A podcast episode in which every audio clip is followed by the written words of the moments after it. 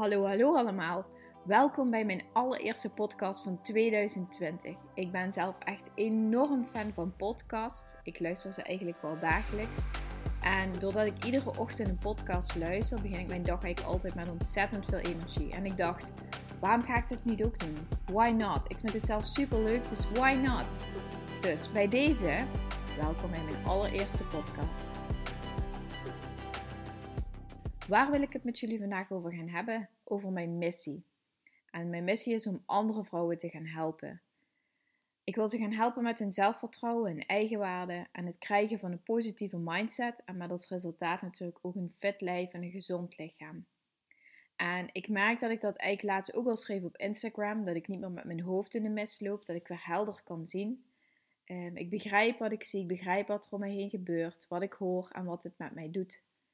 En ik wil jullie eigenlijk vandaag wat meer gaan vertellen over mijn verhaal. Uh, wat ik afgelopen tien jaar eigenlijk heb gedaan. En uh, waarom dat ik eigenlijk tot die missie ben gekomen. Nou, rond mijn puberteit begon ik te merken, toen ik een jaar of 14 of 15, dat ik eigenlijk totaal niet lekker in mijn vel zat. En ik merkte ook dat de relatie tussen mijn ouders eigenlijk helemaal niet zo goed liep. Ik had eigenlijk continu ruzie met mijn vader en het ging vaak door totdat ik vanaf mijn 15 of zo totdat ik een jaar of 25 was. Eigenlijk tot op het moment dat ik de deur achter me dicht trok uh, en het huis uitging.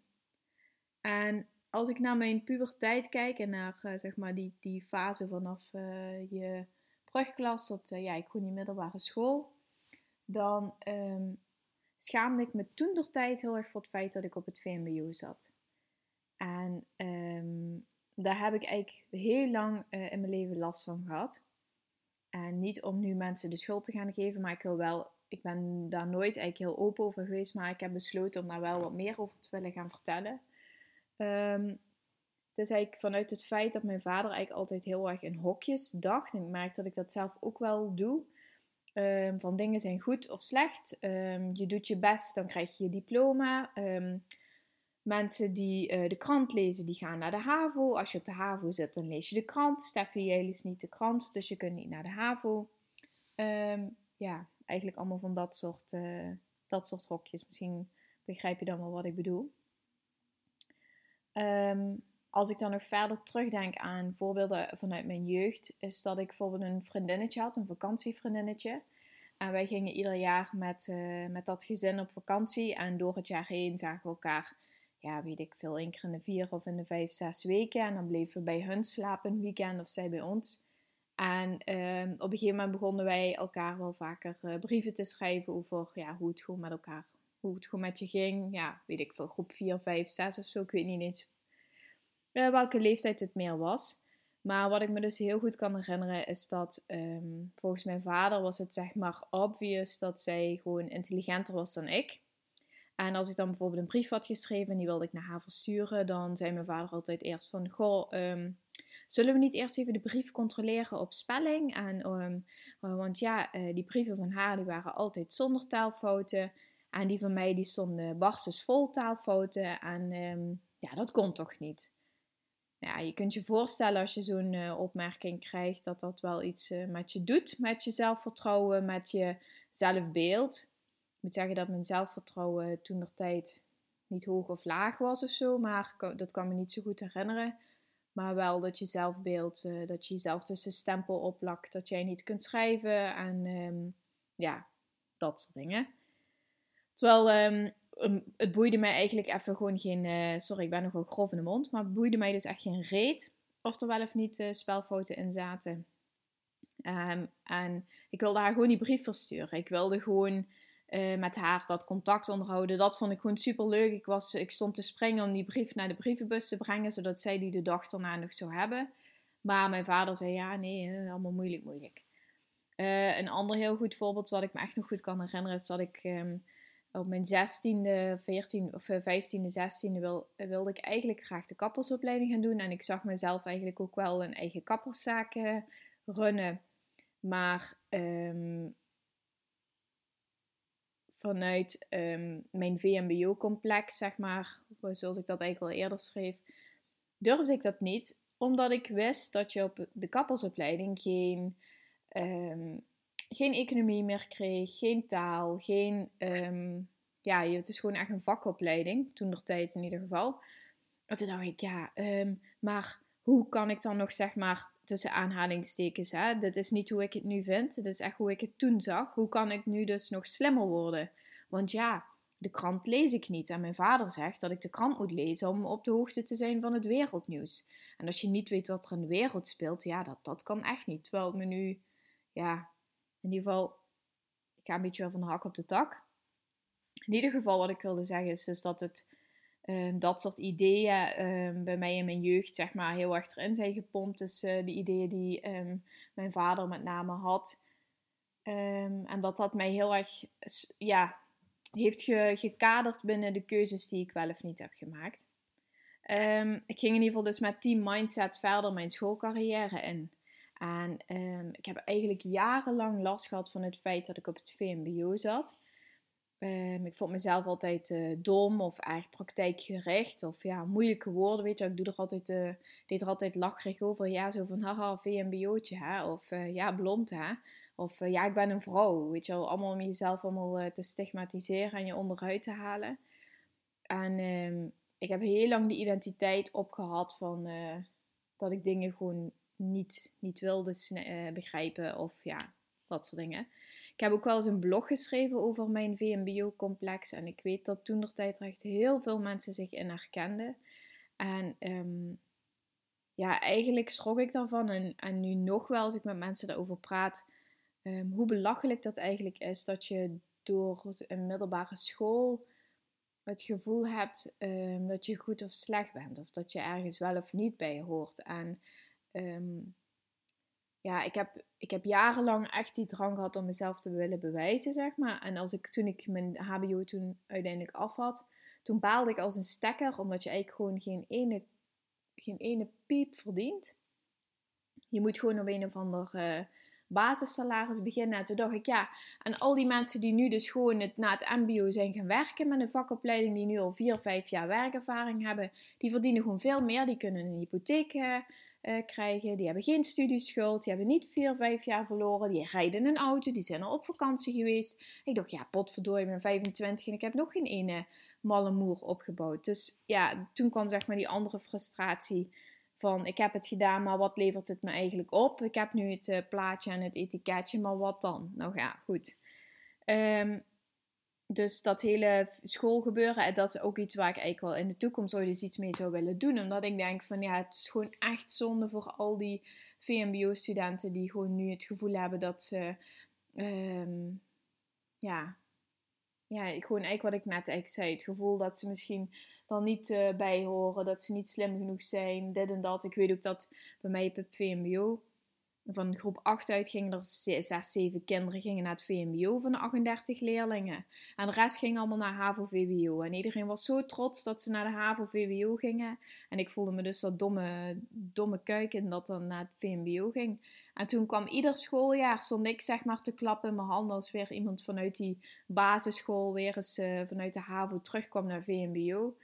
omdat ik echt dacht van, haha, zie je wel, uh, ik, ben, uh, ik ben, het is niet zo ja, ik ben niet dom en het is niet zo gemakkelijk als dat je allemaal zegt. Maar goed, ik wijk een beetje af. Ik wilde nog wat anders eigenlijk gaan vertellen.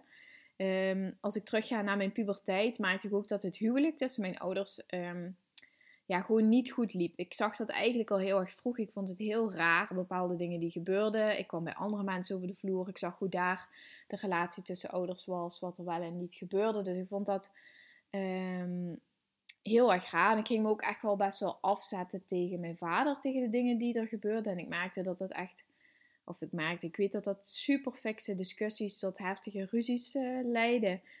Tot mijn twintigste was dat gewoon echt uh, dikke discussies. En uh, vanaf mijn twintigste, toen was ik er echt helemaal klaar mee. Heeft gewoon, het is nooit fysiek geworden of zo, maar het is wel, ehm, het waren zeer pittige discussies die zeer indringend waren.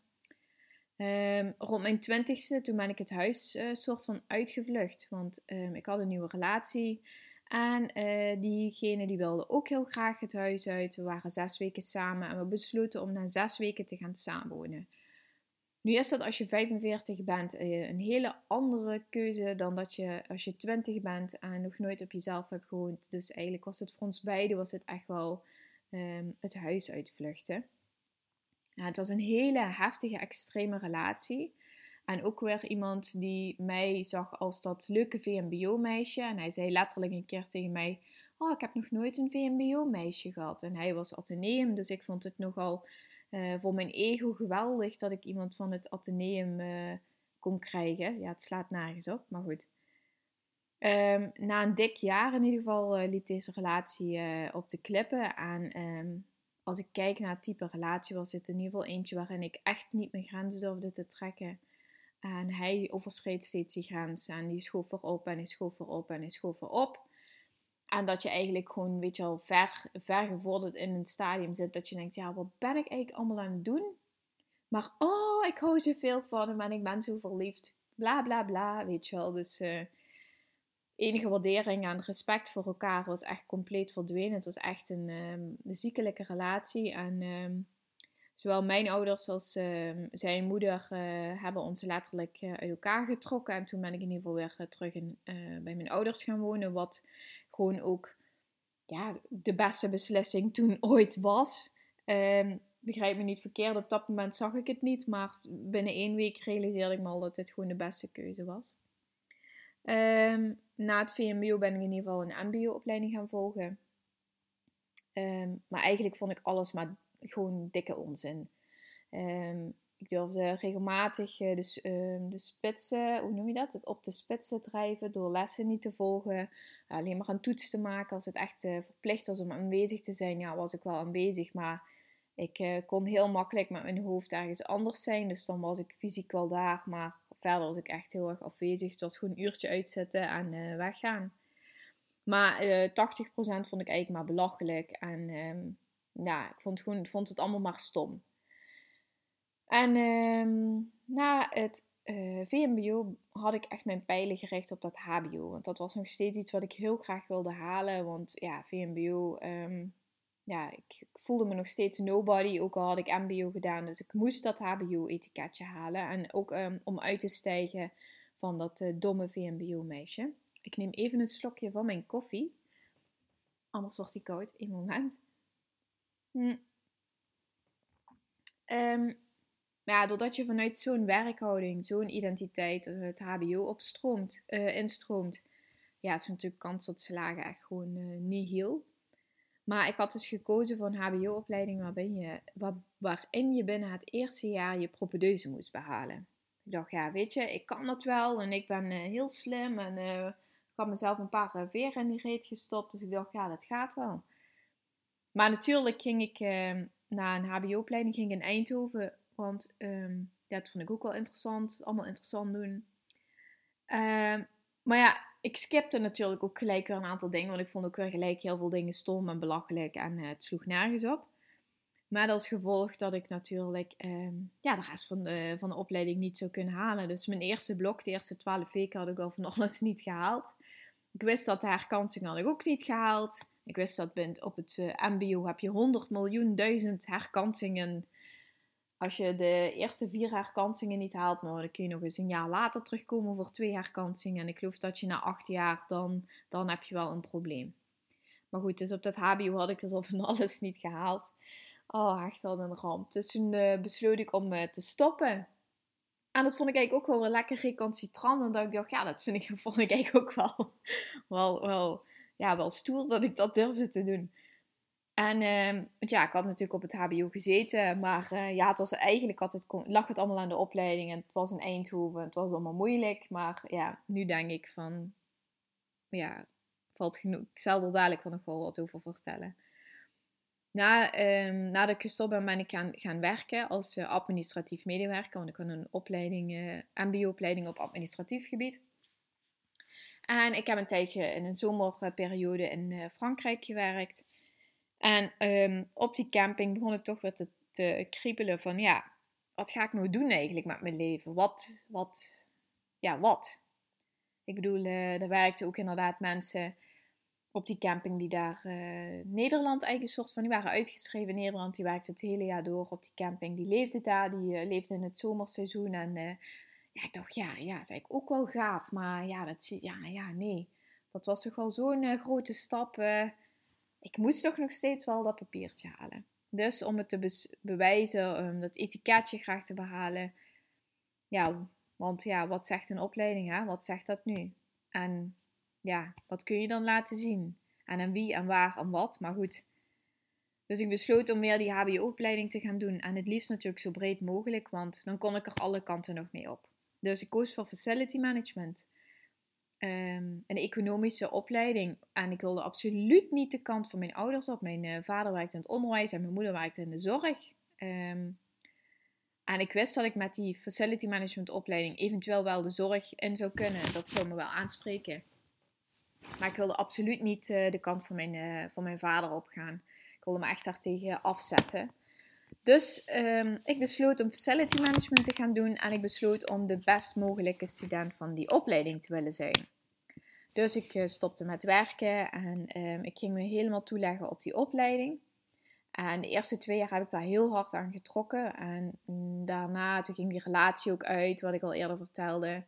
Um, ja, toen, toen, ging dat allemaal wel wat moeizamer. En ik kreeg toen een relatie met Mackie. Um, en ik merkte gewoon dat, ja, dat gewoon prioriteiten gewoon verschoven. nou ja, wat ik even wel nog wil zeggen, dat wilde ik eigenlijk niet, het heb ik niet uh, bedacht dat ik dat wilde zeggen, maar nu denk ik, ja, dat wil ik wel vertellen. Is dat um, de afgelopen negen jaar heb ik dus een relatie met Mickey. En die relatie is zo healing voor mij geweest. Ik ben daar zo door geheeld. Um, alle puzzelstukjes zijn op zijn plek gevallen. Het is zo belangrijk om met iemand samen te zijn waarbij je zo die jou volledig accepteert zoals je bent maar wel met respect die spiegel durft voor te houden. En um, ik heb eerdere relaties gehad, heel veel eerdere relaties, waarin we dan ruzie kregen. En dan wist je gewoon, oké, het gaat binnenkort uit. En dan was ik heel bang om het te verliezen. En dan was het ook zo, binnen vier, vijf weken uh, gingen we uit elkaar. En uh, met Mickey heb ik al zoveel pittige discussies gehad. Over en weer overigens, want we zijn allebei best wel temperamentvol. Um, maar die, ja, dat is echt, het is zo belangrijk om naast iemand te staan. En dat jij naast je iemand hebt staan die, um, ja, die jou gewoon confronteert. Want um, als ik kijk naar mijn oma, dat is een oude vrouw van 90 eh, jaar. heeft uh, jaren alleen gewoond en alleen geleefd. En je ziet gewoon dat zo iemand dan toch dat stukje aanpassingsvermogen op een gegeven moment begint te missen. Dat iemand dan toch zo moeite heeft om ja, te weten wat wel en niet hoort. En ik denk dat uh, dat, dat echt enorm belangrijk is. Um, na die HBO-opleiding ben ik eigenlijk direct aan de slag gegaan. Ik wilde graag gaan werken, geld gaan verdienen. Ik had best wel een uh, fijne studieschuld opgebouwd. Dus ja, ik wilde gewoon inkomen gaan verdienen. Want ik had eigenlijk al het gevoel van ja, al die mensen van het MBO die ik daarvan kon, of ehm, vanuit het VMBO, die hadden allemaal nu al een betaalde baan. Sommigen hadden al een huis gekocht. En uh, ik zat nog steeds een beetje uh, de student uit te hangen. Dus ik was 25 jaar en ik ging aan de slag bij de Nederlandse obesitaskliniek um, als uh, administratief planningsmedewerker. En daarna ben ik vanuit de NOC, dus de Nederlandse obesitaskliniek, ben ik bij Youth Center gaan werken. Dat is een, ja, het is niet een privékliniek, het is wel de gewone GGZ, dus de gewone psychiatrische gezondheidszorg. Maar um, daar werd wel een bepaalde eigen bijdrage van verwacht van de cliënten. En het was een, eh, kliniek die in Zuid-Limburg ligt in het Heuvelland. Wat overigens nu afgesloten is door corona. Uh, mensen moesten, werden daar zeven weken intern opgenomen. Nee, sorry. Zes weken intern opgenomen, waarvan uh, één week daarbij nog intakeweek was. En ik deed daar in ieder geval met collega de planning en daar heb ik ook heel veel geleerd. Ook heel veel Um, dat je toch in aanraking komt met uh, indirect met uh, de problemen van cliënten die dan um, dingen overhoop gooien. En dat je dan toch een gesprek krijgt met de behandelaren en zo. Dus ik heb daar in die vier jaar echt uh, best wel veel geleerd. Um, maar op een gegeven moment was ik daar ook wel een beetje klaar mee met hoe dingen daar gingen. Dus toen ben ik aan de slag gegaan als ja, ik gewoon compleet ja, marketingmedewerker marketingmanager, maakt niet uit. Ik zorg gewoon voor de complete marketingcommunicatie uh, met, uh, met een andere collega bij, uh, bij TEN. En TEN is het bedrijf van Mickey en van nog een compagnon. En ehm, ja goed, ik ben daar gewoon eigen loondienst. Het is niet mijn eigen bedrijf, maar um, ja, thuis moeten we natuurlijk wel de, de keuzes hier maken voor dat eigen bedrijf. Ook al ben ik het op papier niet en ik spreek niet echt medewerkers aan. Um, ik, ben, ik voel geen beoordelings- of functioneringsgesprek en zo, dat soort dingen niet. Maar natuurlijk wel hier achter de schermen dat het gewoon wel voor mij voelt alsof we een eigen bedrijf hebben. Want het is gewoon ook wel zo. Um, eigenlijk roep ik eigenlijk al vanaf mijn zestiende dat ik iets voor mezelf wil. En dat iets is een eigen bedrijf. Um, eerst was het bijvoorbeeld een kapperszaak. En dan zeiden mijn uh, ouders van ja, daar is geen geld in te verdienen. Nou, dan wilde ik een kledingwinkel. Ja, dat is wel heel saai. Uh, dat is saai de hele dag kleren te verkopen. Of ik wilde bijvoorbeeld iets creatiefs gaan doen. Ik heb ook een tijd lang, uh, wilde ik heel graag naar Sint-Lucas in Bokstel. en dan werd dan vanuit mijn ouders aan mij gezegd van ja Steffi, maar zo creatief ben je niet. en hoe bedenk je dan steeds iets nieuws? want ja, snap je, dus alweer beren op de weg zien en die voor mij invullen.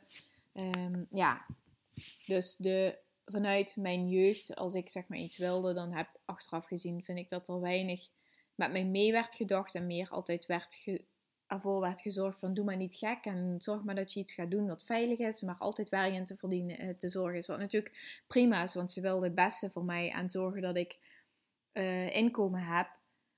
Maar um, onderaan de streep werd ik daar niet gelukkig van. Nou, um, vijf jaar geleden zijn mijn ouders uit elkaar gegaan. En um, toen zij uit elkaar gingen, toen verdraaide die relatie tussen mijn, uh, mij en mijn vader eigenlijk compleet. Ik raakte zeg maar, uh, ik was steeds meer de ouder en hij was steeds meer het kind. En um, ik was ook niet alleen ouder, ik was ook coach, ik was relatietherapeut, ik was psycholoog, ik was arts, noem het maar op. En um, mijn vader maakte, ging een gesprek met mij en voelde gesprekken met mij die, ja, die gewoon, dat, dit, is zeg maar het patroon wat al mijn hele leven wel uh, is geweest. Alleen is het in de scheiding van mijn ouders wel heel erg uitvergroot. En toen raakte ik in verwachting van Miles en ik merkte dat er in mijn hoofd zeg maar zo'n shifting begon te ontstaan van links naar rechts. Um, nou, prioriteit ging gewoon letterlijk naar mezelf toe. Ik was zwanger, ik droeg nieuw leven in mij. En ik kon niet meer iedere keer mijn vader bij elkaar gaan lappen en hem voorzien van de volgende stappen die hij moest nemen. Ik kon niet meer de gesprekken voeren met mijn vader. Um, ja, ik ga daar nu niet uh, in detail op in eigenlijk, want ik vind dat dit eigenlijk al best wel heel persoonlijk is. Maar um, ja, dit moest gewoon stoppen. Ik werd daar echt letterlijk ziek van. Ik had buikpijn voordat hij kwam. Als hij wegging had ik hoofdpijn. Ik kon nergens anders over praten. Um, eigenlijk al vanaf mijn puberteit tot aan mijn 25 Ik kan me heel goed herinneren met een aantal vriendinnen. Dan gingen we lunchen of koffie drinken in Sittard. Op de markt gingen we lunchen. En dan had ik het non-stop over die ruzies met mijn vader. Ik moest dat kwijt. Ik, um, die, die, die energie ik voelde me zo alleen. Maar ik kon gewoon geen grens trekken. Ik had vanaf mijn 15e tot mijn 25e had ik zo hard gevochten voor dat stukje erkenning, voor die ruzies die we hebben gehad, om aan te geven dit gaat gewoon niet meer. Um, en die grens, die, die, die, ja, daar werd gewoon niet naar geluisterd. Dus eigenlijk, zeg maar, toen mijn ouders uit elkaar gingen, toen voelde ik me heel erg verantwoordelijk voor die ja, die emotionele eh, rollercoaster waar zij in zaten. Ik had dat natuurlijk al vanaf mijn vijftiende zien aankomen. Dus voor mij was het eigenlijk gewoon zoiets zo van, nou ja, uh, klop je handen af en het is gedaan, zeg maar. Um, dus ik wilde er heel erg voor hun zijn. Maar ik voelde ook dat um, zij enorm op mij steunden, maar het ging gewoon niet meer. Um, hij had mij nodig, maar ik had hem ook nodig om het te voelen dat het, dat het niet meer ging. En na die geboorte van Miles ben ik eigenlijk in zo'n diep dal beland dat ik gewoon het complete moederschap gewoon niet trok. En ik had geen postnatale depressie, want dan zeggen heel veel mensen als je dan gaat opzoeken van ja, dat heeft echt met uh, de postnatale, met de zwangerschap en bla bla bla te maken, en, of moederschap alleen. Dat was het bij mij niet. Het was bij mij en, en, en, en, en. Ik wilde aan mezelf werken, maar um, daar had ik geen tijd voor. Um, even heel cru gezegd, het hele moederschap had ik me totaal iets anders van verwacht. En uh, het was niet wat ik ervan had verwacht. Ik had tijd dat ik, eh, ik had gedacht dat ik tijd had om ook wat anders te doen, maar ik had mijn handen vol aan miles. Um, ik werkte op een plek waar ik echt totaal niet op mijn plek was. Ik ergerde me groen en geel aan dingen hoe het daar ging. Ik ging iedere dag ja, met tegenzin eigenlijk wel werken. Ik denk, ja, ik kan toch gewoon met plezier werken? Dit kan toch gewoon niet? Um, het liefste wilde ik gewoon helemaal niet werken, maar financieel was dat gewoon geen optie. Dus um, toen hebben we gekeken wat er mogelijk is en toen kon ik drie dagen werken. Ja, en godzijdank kon ik die drie dagen nog wel een beetje uitzingen. Um, ja, dus en het moederschap, de rol met mijn vader, um, allerlei shit die uit mijn verleden, maar iedere keer, ik wilde zeg maar alles anders doen dan wat, hoe ik in mijn jeugd ben opgevoed. Ja, probeer dat dus even allemaal bij elkaar te doen als moeder. En je weet eigenlijk niet wat je wil doen, hoe je wil doen. Je luistert naar alle adviezen, links, rechts, achter, voor je. Iemand zegt wat en denk je, oh, moet ik het dan zo doen? Iemand zegt wat voor je. Oh nee, ja, misschien moet ik het wel zo doen. Het ging allemaal in mijn hoofd zitten.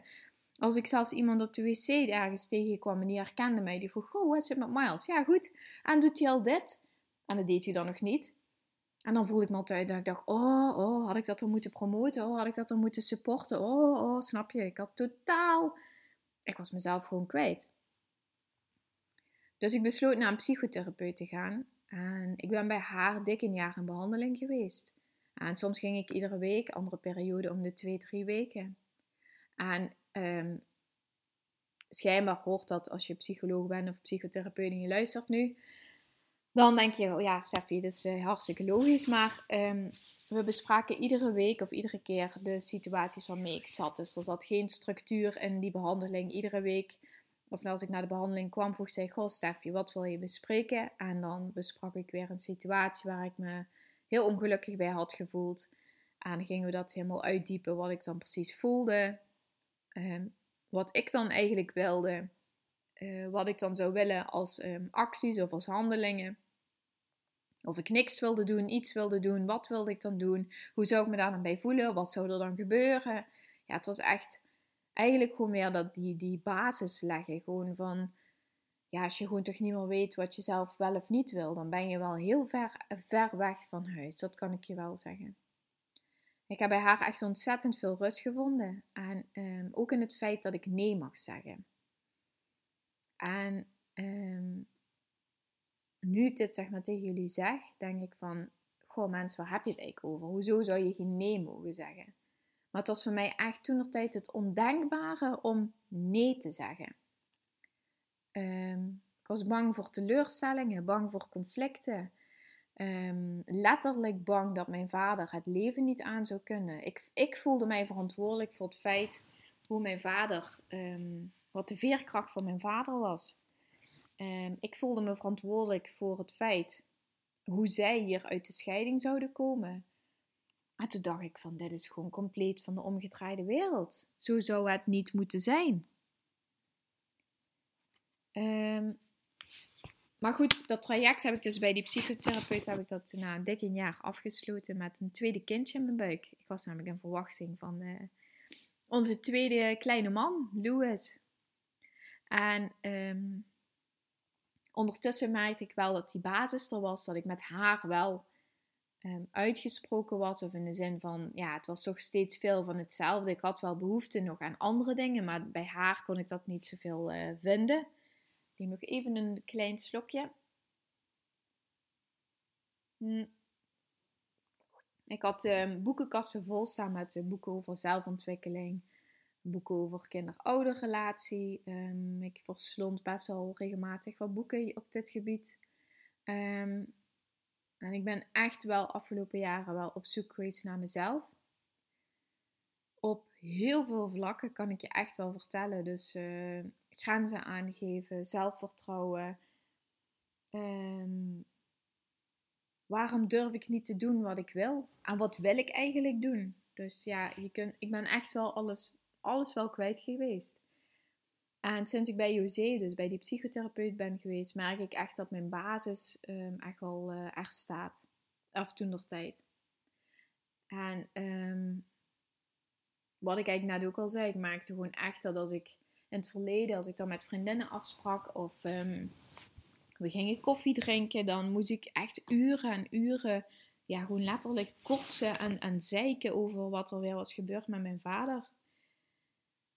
En ik wilde ook bevestiging van het feit dat het toch allemaal niet zo normaal was. Maar moet je denken, en ik voelde me ook schuldig dat we het alweer daarover moesten hebben. En dat wilde ik gewoon niet meer. En sinds ik dus bij de IOC ben geweest, sinds ik uh, die behandeling heb gehad, hoef ik dat dus niet meer. Maar ik zie mijn vader ook bijna niet meer. En dat geeft zo'n rust. En ik voel me daar niet schuldig over. Um, tuurlijk heb ik er af en toe nog wel eens verdriet van. En dat mag er ook zeker wel zijn. Maar het is goed zo. En dat geeft echt zoveel rust. Dat kan ik je wel echt vertellen.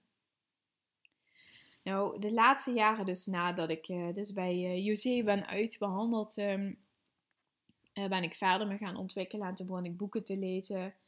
Um, Ikaji geloof ik dat die heet. Um, ja, ik weet het niet allemaal. Ik las in ieder geval, ik, ik kan ze zo even niet interview opnoemen, maar ik las dingen als, ja, je moet dankbaar zijn. Ik dacht, dankbaar, dankbaar ben uh, als uh, atheïst opgevoed. Mijn ouders zijn wel geloven of zijn wel gedoopt en zo. Maar dacht, dankbaar, ja, dat, dat vind ik zoiets als dat ik moet bidden voor het eten. En dan God op mijn knieën moet bedanken. Met alle respect, maar dat, dat, dat, dat streek je me tegen de haren. En ik dacht, dat wil ik helemaal niet. Dankbaar. Wat is dankbaar zijn? En ik dacht altijd van, ja, oké, wat, wat, wat, voor wat dan?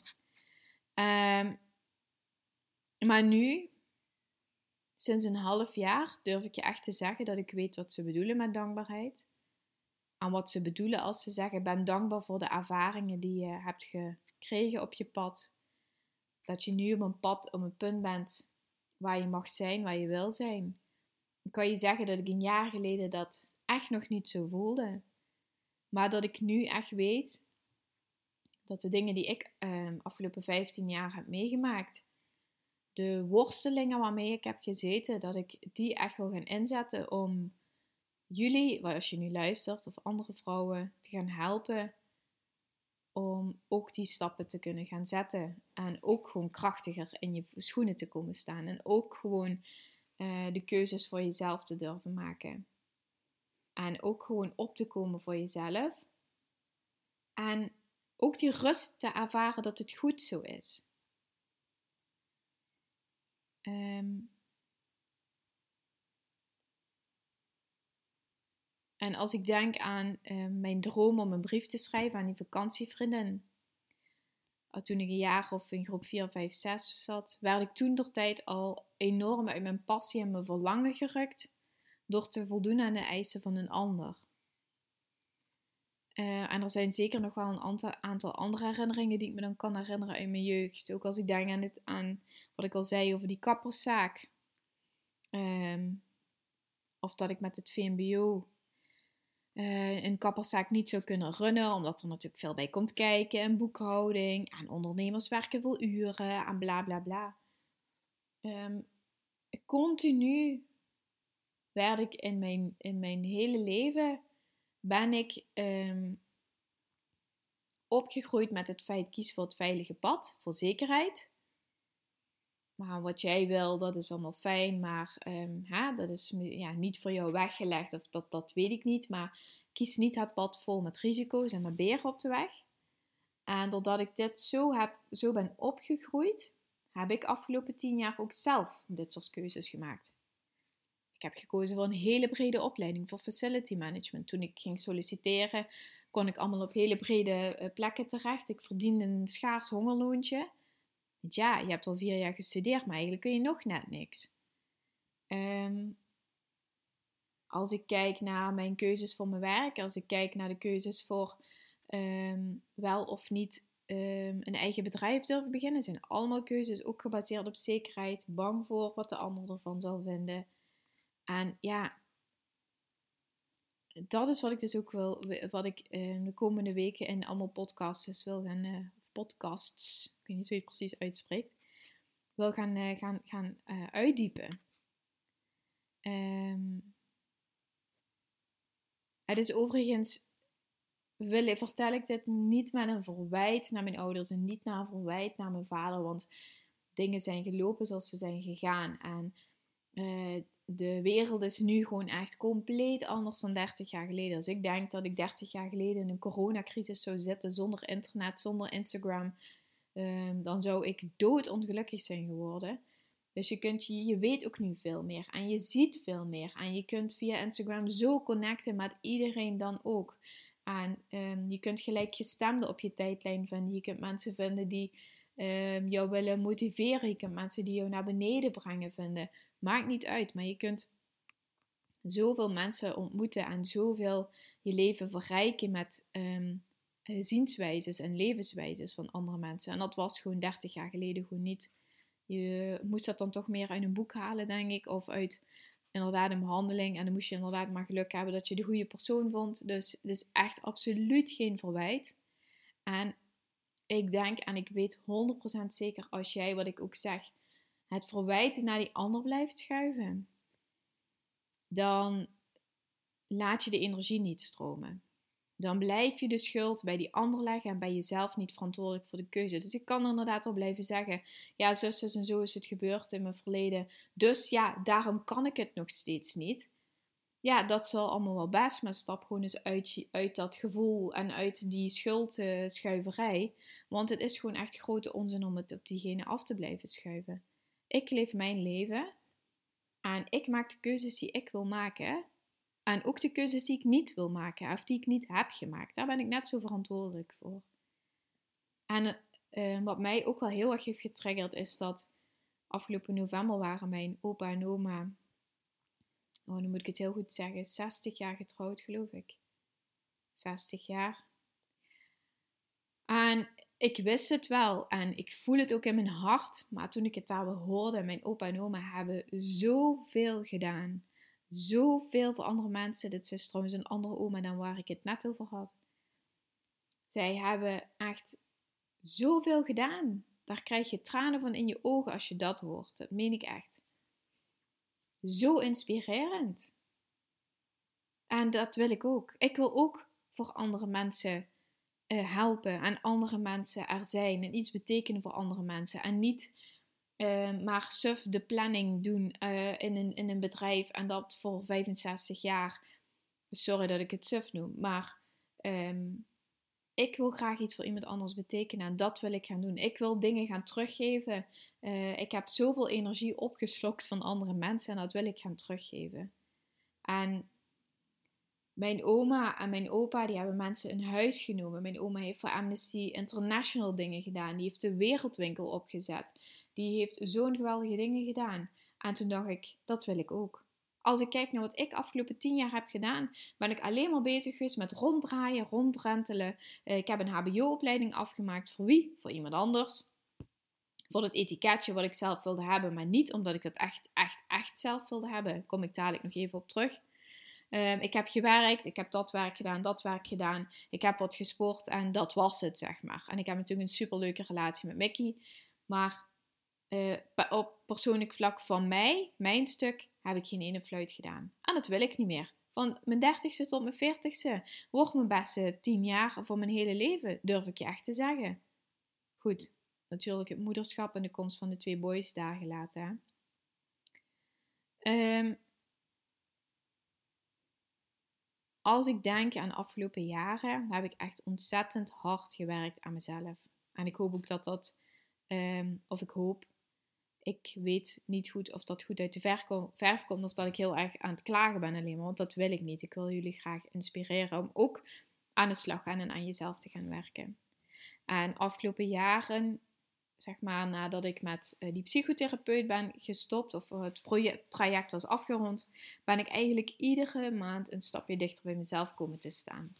ook als ik kijk naar het sporten. Ehm, in eerste instantie, tien jaar geleden, toen had ik dat idee dat ik niet sportief was, want ik was de slechtste met gym. Dus ehm, ik kon niks en ik wilde niks. En uh, ja, bokspringen, dan, dan knalde ik al tegen de bok op. En uh, de Cooper-test of shuttle run, hoe heet dat ding, dan uh, had ik ook een vijf of zo. Dus ik vond het allemaal maar verschrikkelijk. Um, en toen ben ik bij een sportschool gaan werken, ook met het idee van, ja, ik wil dat graag zijn en dat vind ik vet en interessant. En dan gaan mensen mij ook zien als sportief. Um, dus heel lang heb ik gesport omdat het moest. En uh, ook vanuit mijn opvoeding, sport is gezond en uh, je bent niet lui. Um, en nu, echt sinds een jaar, anderhalf jaar, sport ik echt om compleet andere redenen. Echt compleet anders. Die hele motivatie, dat hou je ook gewoon niet vol. Het, van het moet van iemand anders of vanwege een uh, esthetisch oogpunt, zoals dat heet. Vanuit een uh, uiterlijk oogpunt, dus omdat je dat mooi vindt. Um, Sinds die anderhalf jaar, jaar, ik heb nog nooit een week overgeslagen om niet te gaan sporten. Gewoon niet. Na de bevalling van Louis ben ik de kilo's afgevallen. En natuurlijk zou ik nog steeds wel wat meer willen afvallen. En uh, ja, daar moet ik wel heel hard mijn best voor doen. Omdat ik ook echt een enorme snoepkom ben. Maar ik ben echt, die kilo's vlogen ervan af. En ik sta veel dichter bij mezelf dan waar ik had willen staan. Of dan waar ik ooit heb gestaan. Ik weet wat ik wil. Ik weet waar ik sta. Ik heb ideeën en ik durf ze ook energie te geven. Er zijn geen saboterende gedachten meer. Eh, en I don't give a shit om meningen van anderen of om ideeën van iemand anders. Het boeit me echt geen ene drol wat iemand anders ervan vindt. En dat is zo'n verademing. Dat is zo'n opluchting. Ik ben twee jaar geleden, toen was ik in verwachting van Louis. In november ben ik naar een netwerkborrelding geweest van Aranka van der Voorden van eh, Pretty Ambitious in Rotterdam. En het was zo interessant en die meid die is echt een topper. Echt, als je haar nog niet volgt, moet je haar zeker gaan volgen. Uh, op het gebied van marketing en Instagram en zo is ze echt super. En ze is gewoon heel erg leuk. Maar ik ging daar vol energie weg. En ik had toen al het idee om een e-book te gaan schrijven op het gebied van um, ja, mentale dingen. En, uh, maar ik durfde het gewoon niet. Ja, wie ben ik? Ik ben geen psycholoog. Ja, ik ben geen coach. Ja, uh, dadelijk zeg ik dingen die niet waar zijn. Dadelijk zeg ik dit. En nu denk ik gewoon, so what? Zeg ik dingen die misschien door een psycholoog andersom worden gezien. So what? Uh, ik ben wel eens bij een psycholoog geweest en dacht werkelijk, je had het papiertje nooit moeten hebben. En ook van oud-collega's van mij. Dat meen ik echt. Dan denk ik, ja, je bent misschien goed in theorie, maar met mensen omgaan, dat is ver te zoeken. En ik denk dat dat een van de basisdingen is, dat je goed met mensen moet kunnen omgaan. Dus, ja. Um, wat ik nog verder zou willen zeggen tegen jullie, is um, dat stukje van goed in je vel zitten, waarom ik iedere dag bijna op stories zeg dat je iets voor jezelf moet doen, is omdat ik echt heb ervaren dat je van jezelf iedere dag een prioriteit moet maken. Niet alleen op maandag, niet alleen op donderdag, iedere dag omdat ik weet hoe het is om rondjes te gaan voor een ander. Omdat ik weet hoe het is om mentaal klaar te staan voor een ander. Om weer dat er een beroep op jou wordt gedaan. Dat je in je hoofd altijd bezig bent met die ander. Het malen bent over hoe het leven van die ander gaat. Maar je leidt je eigen leven niet. En leiden niet met een lange ei, maar met een korte ei. Je leeft je eigen leven niet als je iemand anders zijn leven continu bent aan het regie, regie, uh, hoe heet dat? Regis, regisseren. Dat. Oh my god. Ik weet hoe het is om uh, te rennen omdat je wil zo, zo strak te zijn als die vriendin die het wel lukt om zoveel te sporten. Dat, dat, dat, dat, dat, dat is niet de bedoeling. Zo is het, daar is het leven niet voor gemaakt. Dat is niet de bedoeling dat je zo je leven gaat leiden. Het is de bedoeling dat jij jouw leven gaat leven. Dat je in je kracht komt staan. En dat je iedere dag van jezelf een prioriteit maakt. Dat je niet op je 50 als een of ander uitgebluste, uh, kortpittig kapsel eindigt, met alle respect. Maar nu generaliseer ik even, maar je snapt wat ik bedoel. Dat je niet op je 50ste zegt: Zo, en nu ben ik een oude taart, want ik ben zo uitgeleefd. Ik ben helemaal verbitterd. Ik heb geen ene fluit aan mezelf kunnen doen in mijn hele leven. En nu, of dat je op je 40ste, 50ste zegt, en nu zet ik mijn man aan de straat, mijn kinderen de deur uit en nu is het mijn tijd. Dat wil je niet. Ja, als je het wel wil, dan zou ik zeggen, doe het nu. Maar ik vind echt dat je van jezelf iedere dag een prioriteit moet maken. En je hoeft dat niet uren te doen. Je hoeft dat niet uh, halve dagen te doen. Als je het iedere dag namelijk doet, onderhoud je dat een beetje. Dat is hetzelfde als dat je nooit fruit eet en dan word je ineens ziek en dan besluit je dan om, een heel net met sinaasappels op te eten. En dan, nou, dan ga je door de griep heen, ga je door die verkoudheid heen en dan word je wel beter. Dan eet je wel heel lang geen fruit. Denk je dat het dan zin heeft om dit, dat zakje sinaasappels? Ja, beter iets dan niets, ben ik met je eens. Maar nee. En als je het niet doet, en je doet de dag in, dag uit, doe je niks aan jezelf, mentaal niet, sporten niet, op emotioneel vlak niet, dan gaat het aan jezelf vreten, letterlijk en figuurlijk. Je eet jezelf misschien zes kledingmaten erbij. Uh, misschien krijg je een burn-out, misschien krijg je een depressie. En nog ben je nog steeds niet met jezelf bezig. En dan gaan we op zoek inderdaad naar hulp. Maar goed, wat ik jullie de komende weken dus wil gaan vertellen. En waar ik jullie dus echt. Eh, waar mijn hart gewoon sneller van gaat kloppen. En ik merk dat ik enorm langdradig ben. Het spijt me als je denkt van Steffi Breider is een eind aan. Um, ik wil jullie de komende weken meer gaan vertellen over de ontdekkingen die ik heb gedaan.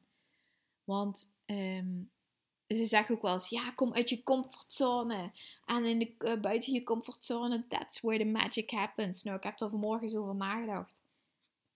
Hoe kun je uit je comfortzone komen als je alleen maar bezig bent met, wat doet die ander? Wat denkt die ander van mij? Oh nee, ja, dadelijk mijn ouders, dadelijk mijn vader dit, mijn moeder dat, en mijn oma zus, en mijn buurvrouw zus, en mijn, mijn beste vriendin zo. Ja, dan kun je toch niet uit je comfortzone stappen? Je zult eerst aan die basis moeten werken. Van vertrouwen hebben in jezelf, zelfvertrouwen, durven voor jezelf te staan. Dus ja, en dan dacht ik, dan ga je weer van die quotes zoeken of ga je een boek lezen en denk je, oh ja, ja, ik barst van de energie. Ah, maar ik durf niet. Ah, maar ik kan niet. Dus ja, ik wil echt graag de komende weken al die losse puntjes aan elkaar gaan knopen die ik aan elkaar heb verbonden.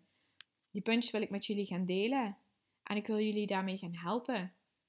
En ik hoop dat je ook gewoon een positiever mind krijgt veel meer zelfvertrouwen. En um, ik voel gewoon echt, meen ik echt, dat dit mijn taak is nu om dit te gaan doen. Ik heb afgelopen week een paar keer een berichtje gekregen op Instagram van mensen die zeggen: Oh, Steffi, je motiveert me zo, je inspireert me zo. En dan schieten letterlijk de tranen in mijn ogen. Dat, dat voelt, dat klopt zo bij wat ik op dit moment voel. En dat vind ik zo mooi om dat te ontvangen. Dat ontvang ik echt met wijde uh, armen open. Ehm, dat vind ik geweldig om te horen. En als jij aan deze podcast iets hebt gehad, zou ik je ook willen vragen: um, zou je het alsjeblieft willen delen? Om meer mensen ook, want ik weet dat er ontzettend veel vrouwen worstelen met dit soort problemen.